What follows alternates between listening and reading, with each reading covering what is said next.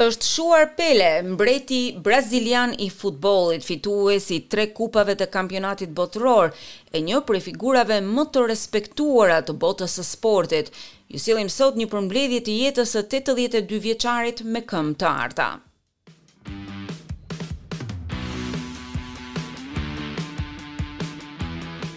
I konsideruar gjerësisht si një nga lojtarët më të mëdhenj të futbollit, Pele kaloi gati dy dekada duke magjepsur tifozët, duke mahnitur kundërshtarët, si golashënuesi më i famshëm në fushë me klubin brazilian Santos dhe ekipin kombëtar të Brazilit.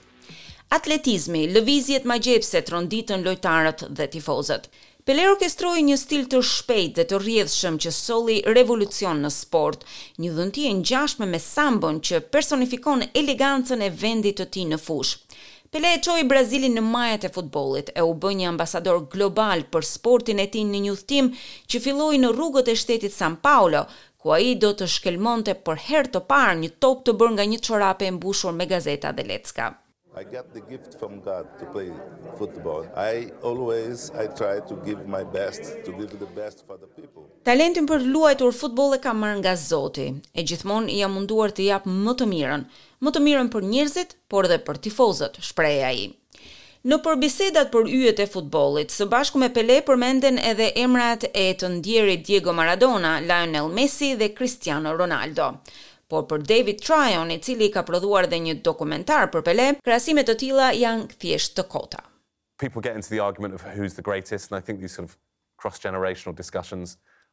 Njerëzit hyjnë në debat se kush është më i miri e mendoj se këto lloj diskutimesh mes brezave nuk janë të dobishme.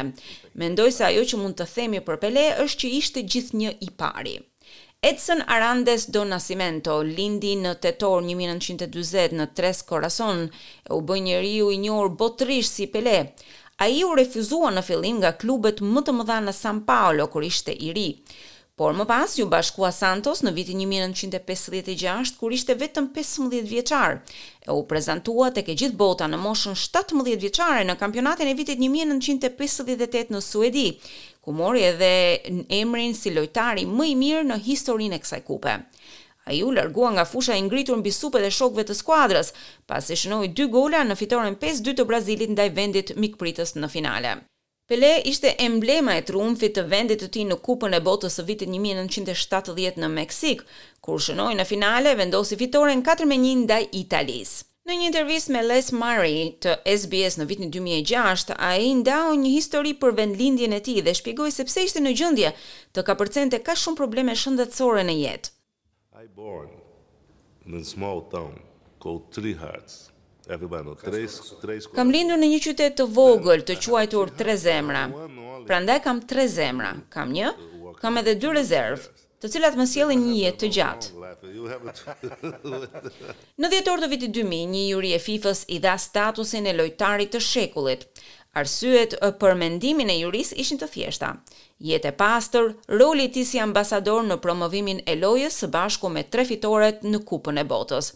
E ai ishte krenar për mënyrën se si arriti të shmangte grackat e drogës dhe alkoolit që patën goditur shumë të tjerë.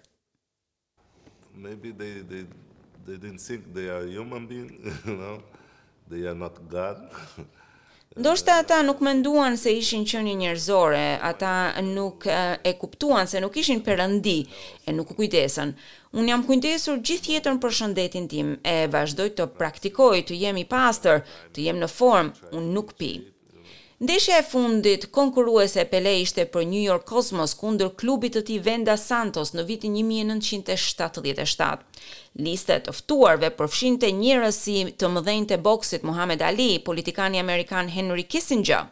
Ai e pranoi me trishtim lojën e tij të fundit dhe momentin kur më në fund vari këpucët.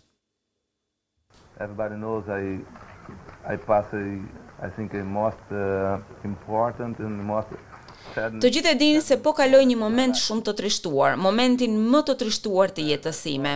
E më vjen keq sepse jam ndarë nga ajo që më pëlqente të bëja, një gjë që doja ta bëja gjithë jetën, të luaja futboll, tha ai. Pas karrierës së tij, Pele e përdori famën për të punuar për kauza të drejta, kauza tek të cilat besonte, duke përfshirë këtu paqen në botë, të drejtat ndërkombëtare të fëmijëve dhe luftën kundër varfërisë. Në vitin një mijë e nëntëqind e nëntëdhjetë e katër u emërua ambasador i vullnetit të mirë të UNESCO-s, e në vitin dy mijë e dymbëdhjetë mori çmimin Fëmijët në Nevojë nga e njëjta organizatë. Katër vite më vonë ai krijoi fondacionin e tij me emrin e tij, një organizatë bamirëse e dedikuar për fuqizimin e fëmijëve. Kjo trashëgimi bëhet përfundimisht kontributi i tij më i madh për botën dhe u mundësua vetëm nga aftësia e tij mahnitëse në futboll. Drevi Trajhorn thotë se ai ishte krenar që ishte brazilian.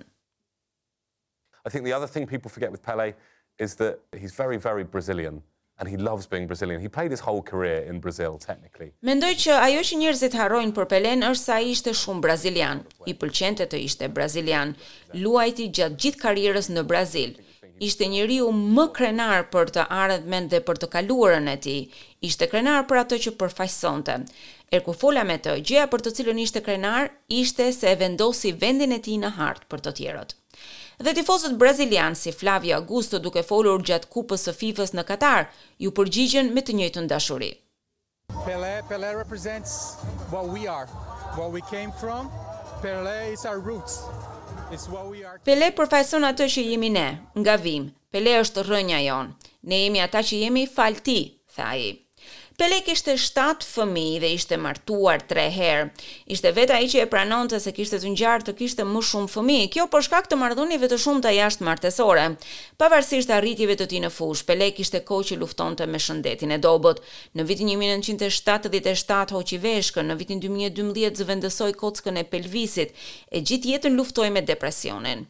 Në vitin dy mijë e njëzet e një, gjatë një vizite në spital për t'u kuruar ndaj një infeksioni të traktit urinar, zbuloi se kishte një tumor e për t'u shëruar, iu nënshtrua një kimioterapie përpara se të humbiste përfundimisht betejën e tij për t'u rikthyer në gjendje të shëndetshme.